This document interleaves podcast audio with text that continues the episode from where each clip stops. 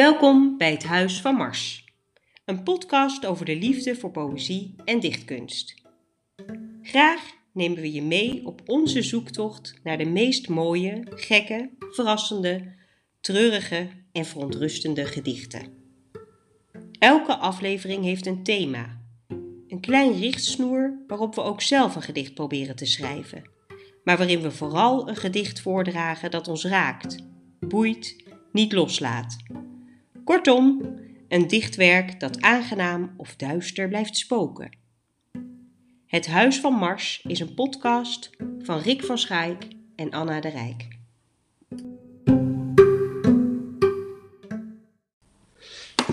Jee, superleuk! Onze eerste podcast in het nieuwe jaar. En we zijn al een eindje op streek, eh, maar dat geeft helemaal niks.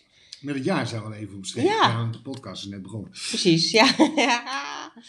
hey, hoe is eh, jouw jaar begonnen? Ja, Net zo grappig als eh, deze podcast? Als dat ik zelf ben. Nee, eh, mijn nieuwjaar is hartstikke lekker begonnen. Lekker. Net als dat van jullie op de Schelling, hè? Dat was hartstikke gezellig. Ja. Ja. En nog eh, goede wensen, voornemens? Nee, geen goede eh, voornemens, behalve dat we leuke dingen gaan doen dit jaar. En, The eh, Summer of Love. Creatief aan de gang gaan met van alles en Mm. wat. En, eh, nee, gewoon. Leuk. Wij gaan het aangenaam hebben. Wat lekker. 2021. Ja. Ja, Helemaal dat is de bedoeling. Hey, en we zitten ehm, na de avondklok, na de eerste avondklok zitten we hier in de ochtend. Het is wat, hè. Ja. Zo stil de straten. Dat heb je bijna zien. Er was een heel grappig eh, verhaal dat het nu dus Haunted echt is begonnen. En het, het grote nachtspel, dat je er niks voor hoeft te doen. Alleen maar dus naar buiten gaan en de politie Ja, moet... je Ja. hebt zin om te rellen natuurlijk. Nee, hebben niet nee, maar het idee is heel Ja, grappig. dat is een heel leuk idee. Ja. Ja, Dus het waren allemaal eh, filmpjes, ja, filmpjes op eh, Ja. YouTube en zo. Nou ja, het was gewoon heel erg leuk. Is een beetje in de sfeer van het thema van vandaag. Ja. Als ik dat bruggetje mag gooien. Zeker. We gaan het vandaag hebben over misdaad. Crime. Yes. Zo is het. Ontzettend leuk. Ik vind het een geweldig thema. Leuk om even te vertellen dat wij straks na het opnemen van deze podcast met onze dochter naar het onland gaan. Ja. Een plaatsdelict van een aantal zeer bizarre moorden. Ja. Twee moorden en een ongeval. Ja, of ja, een ongeluk. ongeval. In de Achterhoek. Ik kan iedereen aanraden die podcast te luisteren van de NPO 1, Ja. Onland. En wij gaan straks met Saar die kant uit. Ja, Helemaal heel het leuk. thema Ja, van, van, deze van, de, gezellige zondag. ja, van de zeven. Zo is het. Maar ik vind eh, ja, misdaad sowieso eh, heel erg leuk. Ehm, en de podcast eigenlijk is eh, bij mij eigenlijk ook ontstaan door de lockdown, maar ook door eigenlijk alle crimes. Want ik Die je vind bent gaan luisteren toen, Ja, want ik vind de crime po- podcast toch gewoon het allerleukst. Dat je een beetje mee wordt genomen. Mhm. Duister, de podcast, of de Volksjury, of Brand in het Landhuis, Gekke verhalen. de Kofferbakmoord. Nou ja, El Tarangu, eh, ja, fantastisch. Oh, Ja, dat zijn prachtige, prachtige toch? true Ja, ja. Patrick, nee, het is echt... eh, Maar ook een eh, verhaal als Tante Jos bijvoorbeeld. Ja, ja, zeker. Geslagen met de Willemsorde. ja, die nou is ja, ja, het is echt leuk, hè? Tante Jos. Ja, dus daar is eigenlijk wel de liefde voor de podcast begonnen. En dus eigenlijk zijn we wel de misdaad iets ja, verplicht aangaande, Ja, zelfs de dat is ook poëzie. Dat is ook zo. Dus het is leuk dat Ja. deze twee nu eh, bij elkaar samenkomen. En Brandbrief, hè, dat is ook een malle podcast. Oh, goed. Nou ja, absoluut. Maar dat heeft niks met true crime te maken. Eh, lekker. Dus ehm, ja, gewoon superleuk dat we dit eh, Ja. gaan doen. Maar goed, dankzij de lockdown en de coronamaatregelen heb je dus veel true crime podcasts Ja, zeker. Maar, Maar- jouw eerste gedicht is geïnspireerd op een En- andere true crime. Nou, ja, want op Netflix heb je dat ook eh, de hele tijd. En, ehm, of een eh, true crime-achtige Mhm. eh, documentaires. Waaronder eh The Yorkshire Ripper. mhm. Heel intrigerende documentaire in, in ons geboortejaar ongeveer. Eh, 1974 voor jou 76, toen is het eigenlijk begonnen. En toen dacht ik, ja, ik, daar ga ik een, een gedicht over maken. Oké, we gaan Ja? we naar luisteren. Het heette toepasselijk de Yorkshire Ripper. Een mistige straat, het wordt bijna licht. Je voelt je bekeken, je bent niet veilig, er is weinig zicht. Wat of wie is daar in die hoek? Waar komt dat geluid vandaan? Je trekt je rok omlaag, je loopt zo recht mogelijk en je loopt nog sneller door de laan. Nog maar één blok en je bent thuis. Thuis waar je kinderen in hun bed liggen, waar het warm is en fijn. Al je zintuigen staan op scherp. Van je hand maak je een vuist. Je houdt je huissleutel stevig vast, klaar om toe te slaan. Je kijkt achterom en om en om. Je lichaam straat strak van de spanning. Je begint te fluiten om jezelf moed in te spreken. Een wolk verduistert de maan. Een geel in de steeg is alles wat je kon doen. Verschrikt in de armen om je heen. Je angst komt uit, je voelt een steek en weg glijdt je schoen. Ja, en het was ook een beetje eh, dat ik me zat in te beelden, want die vrouwen, die zijn, het zijn natuurlijk vaak vrouwen die doodgaan in de, in de crime. Mm. Dat is eh, helaas gewoon zo. En eh, ik denk dat vrouwen onbewust de hele tijd wel een beetje spanning hebben. Dat je, dat je s'nachts loopt en het is helemaal donker en je vraagt, ja, waarom ben ik in hemelsnaam in mijn eentje teruggegaan? Waarom heb ik toch niet Mhm. gevraagd of iemand mee wou fietsen of heb ik niet gewoon een taxi besteld? Weet je het is een Mhm. eh, duur geintje als Ja. je... En heb je zelf ook meegemaakt, toch? Van de Eh, zomer? nou, zo'n gevoel, ja. Van de, eh, dat ik, eh, ik zat in de trekkershut in Soest. En ehm dan ging ik elke... eh, als de zon onderging, ging ik snel naar een veldje lopen, want daar waren dan allemaal herten te zien. Nou, dat vond ik helemaal te gek, dus ik kwam uit mijn werk, ging heel snel eh, eh, wandelen. En dat was midden in een bos. En ineens hoor ik een brommertje achter me aan, maar heel langzaam, weet je wel. Eh, Die heet het achter je, zo, zo 10 meter achter je blijft hangen. En toen eh, ging ik naar rechts, naar dat veldje. En die brommer rijdt gelukkig door, dus ik was helemaal opgelucht. En ineens denk ik, hij komt terug. Hoorde ik hem terugkomen. Slaat hij gewoon dat pad af waar ik ook in was gegaan. Mhm. En dat was helemaal niet eh, verhard of weet ik veel wat. Dus het was voor heel onhandig rijden. Beetje mulzand. En ik dacht ineens, what the fuck? Die man die rijdt hier gewoon eh, naar mij toe. Wat ga ik nu doen? Mhm. Ja, toen ben ik gewoon heel snel Heel weggerend. intimiderend. Maar het is heel intimiderend, ja. En dat je ook Ja. echt dan beseft, ja, wat kan je doen? Ja, je kan Mhm. wegrennen. En, en, maar verder eigenlijk niet zoveel. Nee, echt een eh kloterige ervaring die Ja. hierbij in de buurt komt. Ja. Ja, dus eh, dat je altijd eigenlijk zo ontzettend kwetsbaar bent als vrouw. En bij de Yorkshire Ripper was het ook nog eens een keer... En het feminisme wat op gang kwam. Maar ook dat de politie gewoon eigenlijk tegen van die vrouwen allemaal prostituees heeft gemaakt. Maar die 9 van de 10 keer hadden ze gewoon kinderen. ja. Die thuis eh, hadden ze gewoon een leuke avond gehad. En Mm. eh, ja, dat dat allemaal door je hoofd Ja. spookt. Het zijn gewoon, en dat is natuurlijk wel van al die podcasts, hoop true crime. items zaten erin eigenlijk. Hè? Ja, dat toch. Kijk, het is heel fascinerend, al die misdaad. Maar uiteindelijk zijn het wel gewoon vrouwen die gewoon geen, geen Mhm. conjo eh, hebben kunnen doen. En dat Mhm. is wel gewoon eh, eh, verschrikkelijk natuurlijk nog steeds. Mhm. Ja. Nee, beslist. Ja. Rotervaring, mooi gedicht. Nou Rick, en natuurlijk waarom jij misdaad wou, dat kwam natuurlijk door Gerrit Achterberg. En laat, Gekke Gerrit. Gekke Gerritje. Ja, ja. En laat dat nou ook je eerste gedicht zijn. ja, van Gerrit dan, hè? Ja. En, maar vertel, eh, vertel er even iets over. Ik weet niet of mensen... Nou, Gerrit Gerrit Achterberg. Achterberg eh, is een van onze grootste dichters uit Nederland. Hij heeft in ieder geval heel veel staatsprijzen gekregen. En eh, dat allemaal nadat hij eind jaren 30 eh, zich heeft eh, vergrepen hier in Utrecht op kamers, vlakbij het uh, Diakonessenhuis, Bosboomstraat, aan de dochter van zijn hospita. En die hospita die wilde ingrijpen op het allerlaatste ogenblik. En toen heeft Gerrit die hospita neergeschoten. En die dochter die is uh, meteen uh, ondergebracht elders en heeft die begrafenis van haar moeder helemaal niet uh, mee kunnen maken. En Gerrit Achterberg is in een kliniek terechtgekomen in Doorn. Daar waar ook Michael P. bijvoorbeeld in een veel later stadium gezeten heeft. En onlangs van daaruit op proeflof nog een merkwaardige zware misdaad heeft begaan. En uh, Gerrit Achterberg was eigenlijk ook al lange tijd voor die moord bekend met ja, zwaar psychopathisch gedrag. En uh, de trouwjournalist uh, heeft daar een paar jaar geleden een heel mooi artikel over gemaakt. Want die is dat meisje uh, op gaan zoeken. Wat, waar Achterberg zich aan vergrepen heeft en wiens moeder die heeft vermoord. En dat is zo'n mooi artikel en eigenlijk ook te bizar om te begrijpen dat iemand die dit gedaan heeft, uh, jaren later op het schild gehesen wordt door allemaal andere bekende figuren uit de Nederlandstalige literatuur. En naar dit meisje is helemaal nooit meer omgekeken. En die is op hoogbejaarde leeftijd dan nog eens opgezocht door zijn trouwjournalist.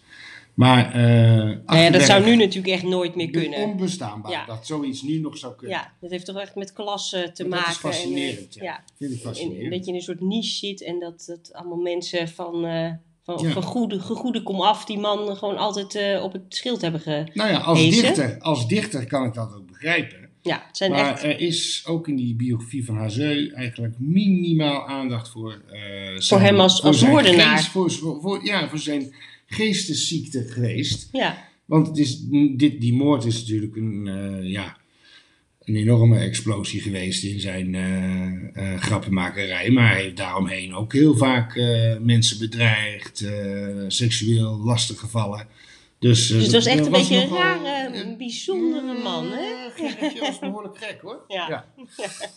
Maar jij hebt uit zijn bizarre, best wel oeuvre, het is eh, best omvangrijk.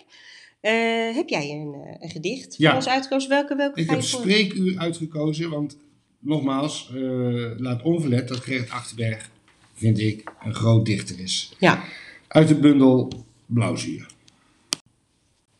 God in de hemel, beesten van mensen hebben mij hun macht. Zij komen samen ter conferentie en spreken zacht. In gebroken talen niet thuis te brengen, maar ik schreeuw tegen ze.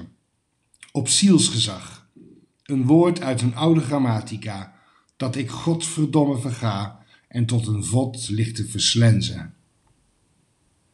Gramschap springt als een panter over en mijn keel is een vat met bloed.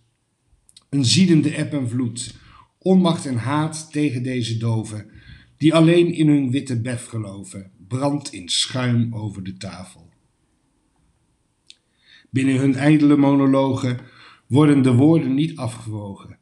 Op kerngewicht en draagvermogen, geboorte of richtingskracht, maar gehuurde zinnen te pas gebracht verhinderen de begripmatigheid waarop het redelijk inzicht wacht.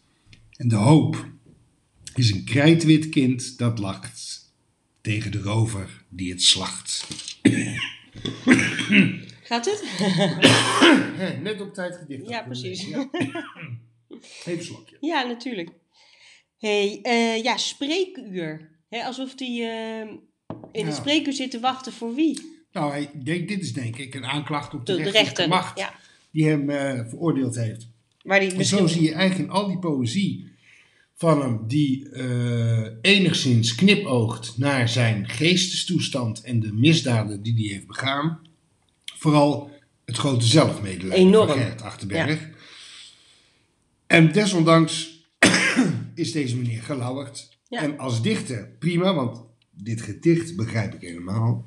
Ja, wat begrijp je er dan aan? uitzoomt, ik kan me voorstellen als je eh, je ziekte je waarachtigheid is, dan zijn al die, die eh, juristen, rechters, eh, aanklagers, technocraten, academisch. Dat kan die op zielsniveau niet begrijpen. Dat snap ik. Daarom vind ik dit gedicht mooi.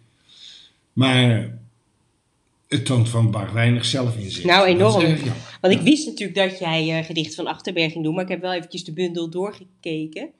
En eh het zijn een paar prachtige gedichten, maar ik, ik kan niet eh, hem dus als moordenaar los dan zien. Dus dat vind ik wel, dat kleurt elk gedicht wat mij betreft. Eh, en inderdaad, Maar Als jij een schilderij zelfmedelijden. van Caravaggio bekijkt, denk je dan ook, oh, moordenaar? Ja, nee, dat vind ik dan toch weer moeilijk. Maar ik vind, ja, je toch ook gewoon Ja. schilderen? maar misschien zit daar dan iets langer de tijd over.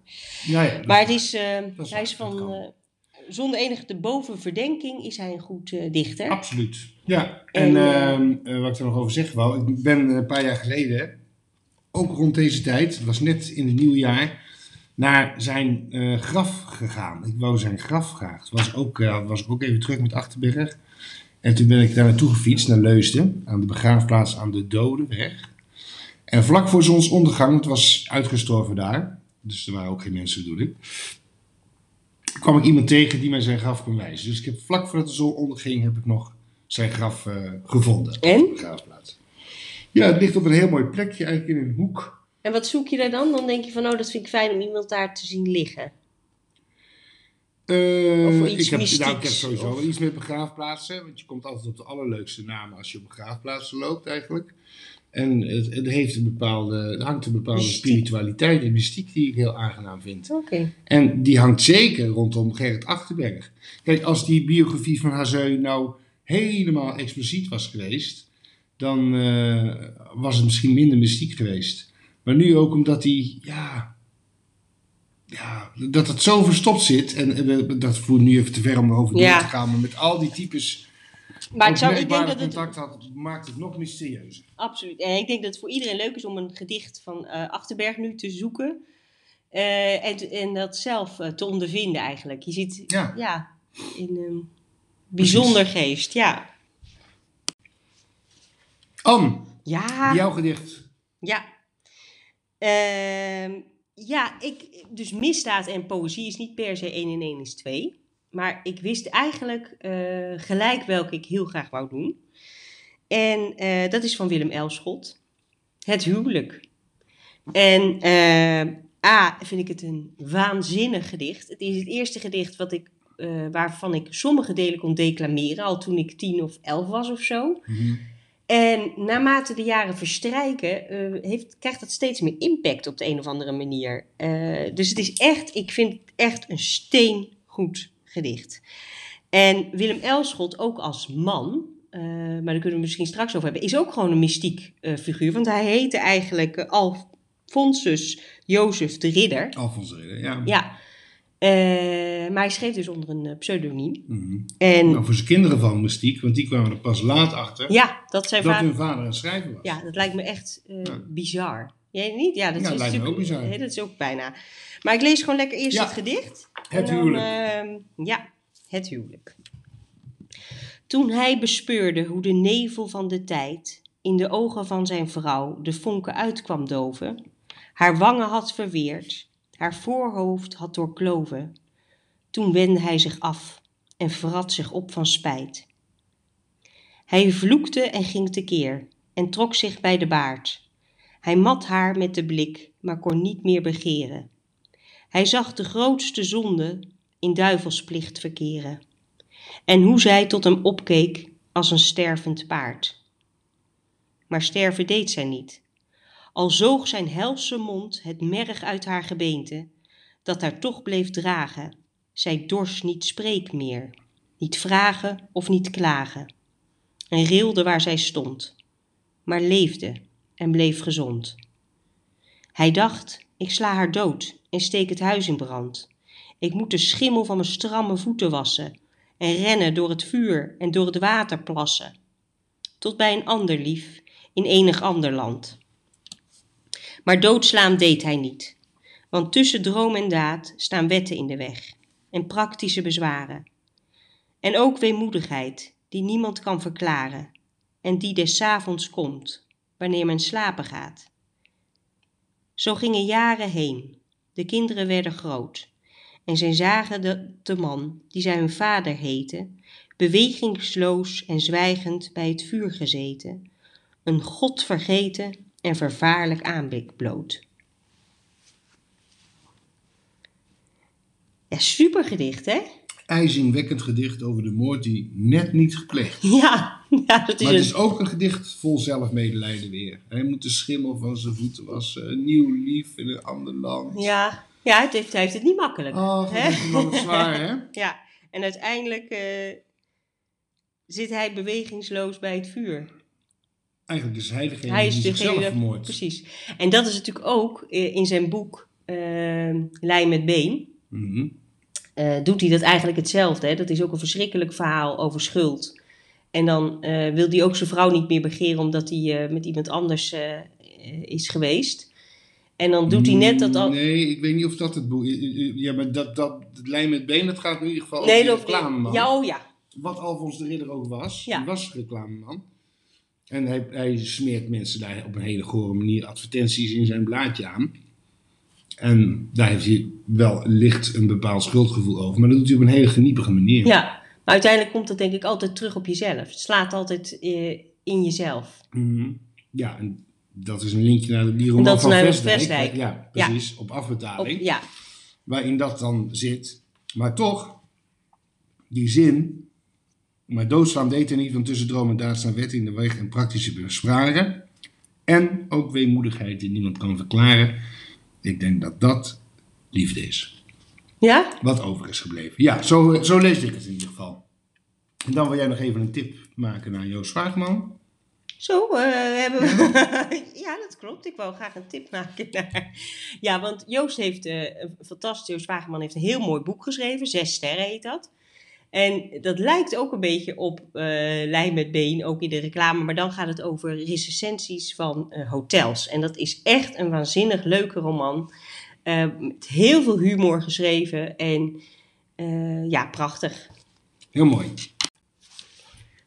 Ja, dus wat je nou aan zo'n huwelijk misdadig vindt, of wou, wou ik nog even hebben, waarom ik dat huwelijk dan kies als bij de misdaad, is mm. dat het een langzame dood is, een langzame misdaad. In mm. wezen. Ook in jezelf. Het hoeft niet altijd uh, ja. met veel geweld gepaard te gaan. Nee. nee. En een hoop partners komen. Bedrogen uit. Ja, maar, komen, ja, maar een hoop partners maken elkaar ook af. Ja, ja. Um, ja, Rick. Dan gaan we naar jouw volgende gedicht. Mm. Door bomen en in huis. Ja.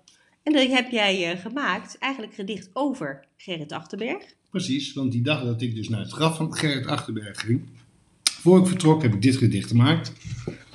Ik had toen Gerrit, uh, de biografie van Gerrit Achterberg gelezen en wist dus iets meer van hem.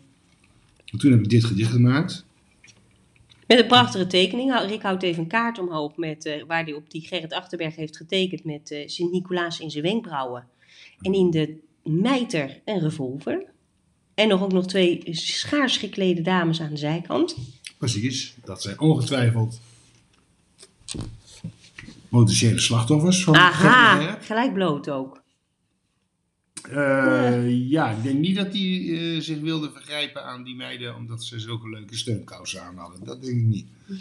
Maar dit doet me ook een beetje denken aan de podcast Onland die we gehoord hebben. Hè? Ja, zeker. Over die gekke kloosterling. Ja. Die die meisjes vergrijpt bij die mensen thuis. En die dat meisje dan later als Sinterklaas over de vloer krijgt. Ja. Podcast hebben we deze week geluisterd. Maar in dit gedicht zit ook al zo'n Verwijzing. Uh, nou ja, dat ik daar wel eens aan dacht, ja. Het is natuurlijk een ultieme vermomming. Maar het gaat dus over uh, jouw fantasie, eigenlijk over Gerrit Achterberg. Dat is, hè? Daar, gaat het ja. over, ja. Door bomen en in huis. Ik droom van de dode dichter, die kreunend door mijn lakens klauwt. Al is hij een schimmig opzichter van ziekelijke lust, van braaf en stout. Het is Gerrit Achterberg, dat zie ik aan zijn bril. Hij is vermomd als bisschop Nicolaas en speurt naar kinderen van goede wil, met zwarte poëtica als knecht Lokaas. Zijn vader was koetsier, dus die rijdt de heilige rond. Door een mistig laagland vol aanbidders trekt de moordenaar naar het liefdesfront, onder luid applaus van literaire ridders. Daar, onder die zwalkende lantaarn, staan Moelies, Kopland en vriend Vinkenoog het is een intocht tussen grote dienaren, die Roel van S. postuum bedroog. Haar dochter Beb werd rijk bedolven onder liederlijk snoepgoed vol ruimelarij. Afgedreven zijn alle gruwelijke golven, vol krankzinnig bloederige smeerlapperij. De zieke moordkreet is tot grote kunst verheven. Luister maar wat uit de schoorstenen klinkt. Dead End en Eurydice doen vele harten beven. Zijn moordbeladen doet maken dat het zinkt. Natuurlijk, meneer Kampert, het gedicht heeft geen schuld. Maar deze dichtersvorst blijft zich maar verkleden.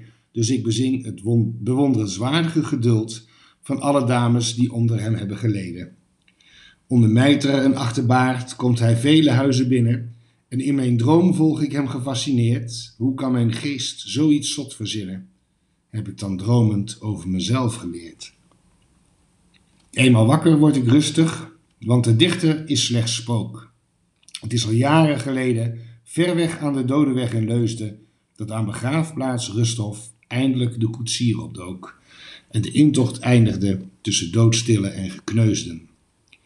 Was hij geen psychopaat geweest bij leven, dan had hij nooit rondgezworven in mijn dromen. Dan had ik wind en maan hier niet beschreven. Ze waren nergens, niet in huis, niet door de bomen. Ja, een eh, mysterieus Sinterklaasgedicht eigenlijk. Dit is een beetje Sinterklaasrijmelarij en alles wat een beetje niet duidelijk pluis zit, heb ik erin proberen Ja, te ja, hartstikke goed. Heel erg leuk. Ja, en al eh, voor van deze tij- tijd. Ja, Hmm. blijft, die man blijft gewoon fascineren. Blijf fascineren. Gelukkig Ja, maar. ja absoluut. Anne, welk gedicht heb jij Ja, uitgekozen? Ik moet eerlijk zijn dat ik stiekem weer even eh, nog een klein gedichtje ertussen heb Oh, gedaan. ja. Want bij misdaad denk ik ook gelijk aan eh, onschuld. Onschuld. In de Noorse series. Ze hebben onschuld. Vind ik altijd een Ja, prachtig ja, woord. Ja, ja, ja, ja. Ik weet niet of de mensen thuis niet helemaal vatten. Maar... Nee, nou ja, het woord. Ehm, en toen moest ik dus denken aan het gedicht van Frederik van Ede, De Waterlelie. En ehm, ja, ik, ik draag het gewoon heel even voor. Eh, ik heb de waterlelie lief. Daar die zo blank is en zo stil haar kroon uitplooit in het licht. Reizend uit donker koele vijvergrond heeft zij het licht gevonden en ontsloot toen blij het gouden hart. Nu rust zij peinzend op het watervlak en wenst niet meer.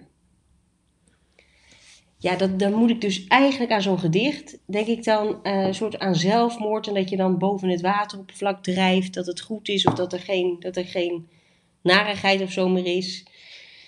Ehm, terwijl, het, terwijl die het misschien wel gewoon heel sereen natuurlijk heeft bedoeld. Dat weten we natuurlijk Dat niet. kan. Maar, Dat kan. Maar goed, in zijn roman De Koele Meren des Doods gaat eh hoofdpersoon ook ten onder aan zelfmoord. Dus het kan met in elkaars verlengde liggen. Wat denk jij? Het is, wel Eh, zijn va- het is wel zijn meest bekende gedicht, denk ik, hè?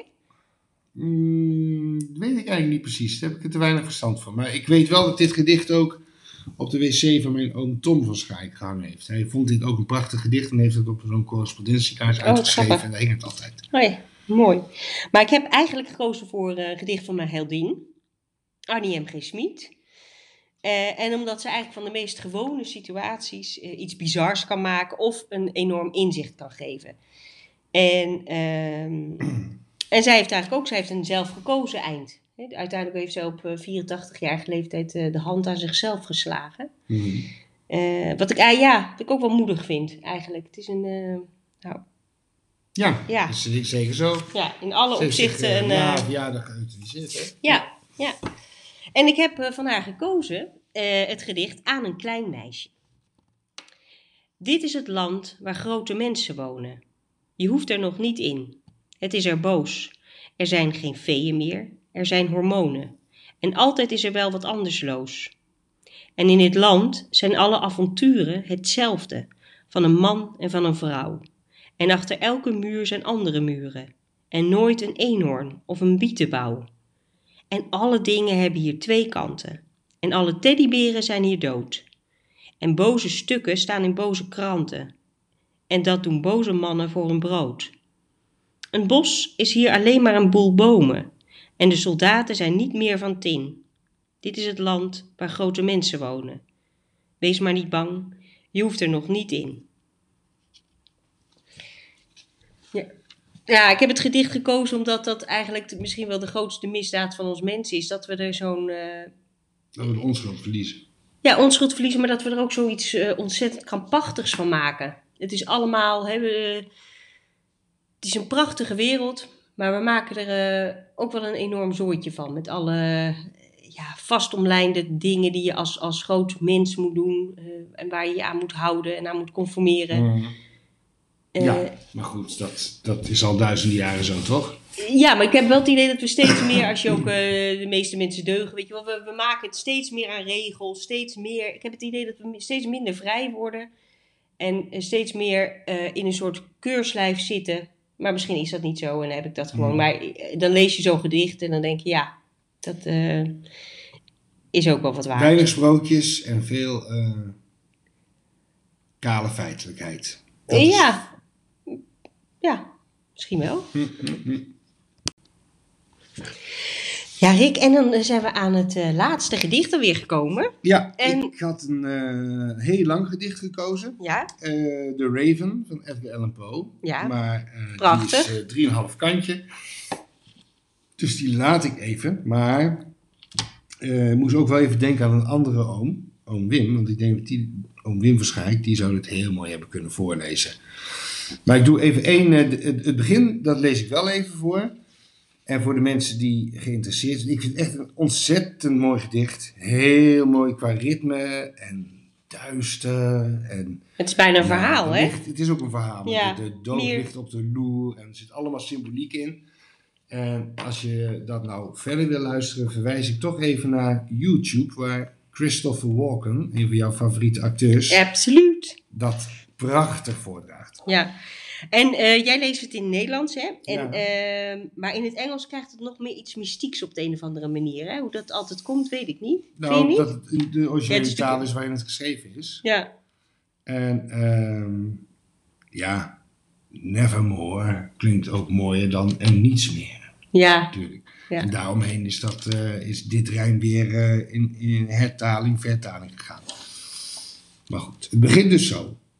In een nacht toen het buiten woedde en ik peinzend, mat en moede nadacht over het schone en goede van een lang vergeten leer en mijn hoofd begon te knikken, hoorde ik plotseling iets tikken dat mij uit mijn slaap deed schrikken. Wie zou het wezen in dat weer? Een bezoeker klopt daar, dacht ik, aan mijn kamer in dat weer. Dat slechts is het en niets meer. Nou, zo gaat dat couplet te lang verder. Ja. Maar doet natuurlijk ook een beetje denken aan daar werd aan de deur geklopt. Ja. Nou, En dan zijn we weer bij Sinterklaas. ja. Nee, nou ja, een- die Raven die, die, die komt op bezoek en die, die tikt elke keer. Oh, jij gaat even Nou, de plot... eh, Niet te plot. Nee, maar nou. dat bedoel je toch met, met tikken? Dat, eh, wie zou het wezen in dat weer? Ja, in oh dit ja, geval is het een raaf. In het Sinterklaasliedje is het, is het Piet. Hè? We zeggen Ja. tegenwoordig Piet. zeker hè? Sinterklaasliedje is het Piet. Ja. Maar welk gedicht? Of uh, Sinterklaas zelf, de vreemdeling zingen. Nou, welk Ja. gedicht is het geworden? Dit, wel, dit doen we dus, dit laten we even. De Raven van Edgar Allan Poe. Jammer, want het is echt een mooi gedicht. Nou, je mag het doen. Eh, nee, ik heb een, een andere. want Ik was toevallig, om nog even terug te komen bij die crime, True Crime podcast. Ja. Zo was ik de True Crime podcast over de nieuwjaarsmoord aan het beluisteren van Bureau Dupin. Dat is een soort eh, ja, genootschap van vrijwilligers die een cold case van een mevrouw die vermoord is in Os op nieuwjaarsdag, ik meen in 2013, aan het oplossen zijn. En al speurende komen ze erachter dat die mevrouw via een Duitse plaats terug naar Os gereden is, waar ze dan op nieuwjaarsdag is vermoord. Oh, En ze heeft dus die ombuiging gemaakt van Duitsland naar Os. Haar partner wist dat niet, andere mensen ook niet, is allemaal uit onderzoek voortgekomen. En eh, de makers van die podcast, die kwamen ineens met het gedicht De Tuinman en de Dood van Van Eyck. Ja, dat tuurlijk. ook een prachtig gedicht. Ja. Alsof ze, deze mevrouw, dit slachtoffer van die moord, in Duitsland iets moest halen. Weggevlucht is voor iets wat ze in Duitsland eh, tegenkwam. En in maar Os wat in Os weer op haar wachtte. Ja. En eh, Ja, nou ja, als je het gedicht niet kent, zegt deze, leg- deze uitleg niet zoveel. maar daarom krijgen we nu het gedicht. Precies. En wat ik trouwens ook nog... eh, want bij Lupin mogen al, mag je zelf ook eh, meedenken, toch? Als eh ja, meespeuren. ja, zelfs de moordenaar kan meespeuren, want die luistert misschien wel mee. Precies, ja. En daar hebben we ook nog als, als wat, wat, heel, wat we heel leuk hebben gehad eh, in de decembermaand, was die True Crime Box. ja, Die hebben we voor Sinterklaas die gekregen. Sinterklaas gehad. En, eh, ja, en dan krijg je dus een True Crime. Mhm. En die moet je dan zelf oplossen met een Mhm. paar aanwijzingen. Ontzettend leuk. En wij hebben er best wel lang over gedaan, maar het is echt, Mhm. eh, echt dat- de moeite waard. Ja, welk gedicht staat daarmee in verband? Niet, maar ik dacht gewoon Oh. even als voor de leuk Ja, dat, oh, dat, dat je leuk, meest ja. kan speuren. Ja, Dus dat is gewoon leuk. dat is heel leuk. Dus Rick, de Nee, maar dat is hartstikke je... leuk. Wat ook leuk is, hadden we de mensen al verteld dat wij naar het omland gaan? Ja, dat heb je al verteld. Ja, al denk ik de derde gaan we straks naartoe, hè? Ja, gaan we zo naartoe. Met. Saar naar het omland. En hopelijk gaan we niet de tuinman tegenkomen. Eh, of de, kloosterling. doozerding. Hmm. Maar goed, mocht u die podcast willen luisteren, Ja. Omland NPO 1. Maar eigenlijk kun je beter nog even wachten, want hij is nog niet aan het eind. En dat Nee, vind ik zelf altijd heel vervelend dat je dan moet wachten. Ik dacht ook dat klaar Ah, ja, dus Maar goed, even terug naar die andere mevrouw die via Duitsland dus een Oost dacht. Ja. Oh ja, die ga ik doen. Want eigenlijk eh, is dit ook een, eh, een, een misdaad. Als je de dood een misdadiger mag noemen. De tuinman en de dood. Een Persisch edelman. Vanmorgen eilt mijn tuinman, wit van schrik, mijn woning in. Heer, heer, één ogenblik. Ginds in de rooshof snoei, snoeide ik lood na lood. Toen keek ik achter mij. Daar stond de dood. Ik schrok en haastte mij langs de andere kant, maar zag nog juist de dreiging van zijn hand. Meester, uw paard, en laat mij spoorslags gaan. Voor de avondlog bereik ik Isfahaan. Vanmiddag, lang reeds was hij heen gespoed, heb ik in het zedenpark de dood ontmoet. Waarom, zo vraag ik, want hij wacht en zwijgt, hebt gij vanmorgen vroeg mijn knecht gedreigd? Glimlachend antwoordt hij, geen dreiging was het, waarvoor uw tuinman vloot. Ik was verrast, toen ik morgens hier nog stil aan het werk zag staan, die ik s'avonds halen moest in Isfahaan. Van P.M. van Eyck. Ja, fantastisch. Ik, vind het, ik moet daar wel vaak aan denken. Dat je de dood natuurlijk niet kan ontlopen en, Mhm. eh, en ook de- dat je het snapt. Dat je het toch goed. probeert. Ja, natuurlijk. Ja, Ja, maar denk Ja. je dat die mevrouw uit Os het heeft geprobeerd? Eh, nou, eh, er zit gewoon- ook een religieuze component in. Dus die mevrouw was ook wel een beetje geestig ziek en, en manisch. En had wel de overtuiging dat eh, Jezus via een ander tot haar sprak. Hoe het dus precies uit in elkaar steekt, weten we niet. Want er wordt onderzoek gevraagd, dus er is geen ontknoping. Maar iets heeft haar wel eh, ernstig in de war gemaakt en eh, opgejaagd. En ze heeft ook tegen mensen gezegd die dagen, die getuigen, dat ze heeft gezegd, iemand gaat me vermoorden. Dus ze was op de vlucht voor de dood. Dus zo gek is dat gedicht niet zo Nee, nee, nee, het is een fantastisch. Maar ik vind het sowieso een, echt een prachtig gedicht. Ja, los van de aanleiding dat ik daar vandaag even aan moest denken, omdat ik die podcast luisterde, is het een heel mooi gedicht. Want iedereen eh, die ons ontvallen is en die ziek geweest is, heeft natuurlijk ergens in dat proces zijn best gedaan om de dood te vergeten of weg te maken. Ja, En dat proberen wij, denk ik, ook, als zijn ook al zijn wij niet ziek, ook soms. Maar dat kan niet. you can run, But but you can hide.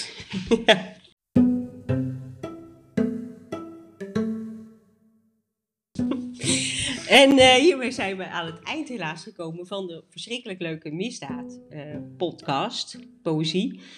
Eh, en het blijft gewoon altijd eh, spannend, hè, misdaad. En Fascinerend. Heel fascinerend. En dat je eigenlijk een beetje een soort Ja. voyeur... Wa- waarom trekt Ja, het zo, hè? Het is, iets, het, is een, het is ergens ook een gezond trekje, maar aan de andere kant is het een beetje een onaangenaam trekje van ons. We Ja. zijn natuurlijk op zoek naar spanning en sensatie. Ja, Maar als we dat niet zouden zijn, zouden we denk ik ook weer minder speurneuzen. Of minder naar de waarachtigheid zoeken of de waarheid zoeken. Dus ik weet het niet zo goed. Ja. Het is een heel gek gebied waarom het ons zo eh, aantrekt. ja. Maar het trekt me wel echt absoluut aan. Ja, mij ook. Ja. Maar Ruud Lubbers zei het al. Hè? Nou, wat zei Ruud Lubbers, Rick? Hè? Nederland is ziek. Oh, nou, ja, en wat heeft nou, dat hiermee te maken? ja, het, het heeft, het heeft, Ik denk niet dat Ruud iets- dit heeft bedoeld. eh. ik denk dat je het een beetje uit zijn context eh, Ruud- trekt. Ruud bedoelde het aantal meldingen op het werk. Oh ja, Maar het, heeft wel, zijn. het heeft wel iets. Het heeft wel iets, het heeft iets geks dat we daar zo druk mee zijn. ja. Nou, niet iedereen, maar wij. Ja, maar er zijn er wel meer Wel mensen meer die, mensen, ik ken ja. die eh, ik denk, oh, Spannend. hoe ben je daar bovenmatig mee bezig. Ja. Maar goed, ja. hey, de volgende keer dacht ik, ehm, wat dacht je van de liefde? Liefde? Ja, omdat we het heel even over Joost Ja. Wageman hebben gehad. Ja. Natuurlijk over zijn geweldige roman eh Zes Sterren. Ja. Maar hij ook over ook- zelfmoord handelt, hè? Want ook- daarna ja. begon je over Frederik van Ede, waar dat weer een beetje in zat, voor jouw gevoel. Ja, Ja. Ehm, maar eh, Joost heeft gewoon een fantastisch liefdesgedicht gemaakt. Dus wat dacht je van L'amour volgende week? Liefde. Liefde? Afgesproken. Leuk. Hartstikke goed. En ondertussen krijg ik een, eh, een appje binnen. Dus eh, fijn om te weten. Nou mensen, weet jullie dat thuis Ja, ook? zo is het. En heb het houdt goed. Ook Ja. in de nachtklok.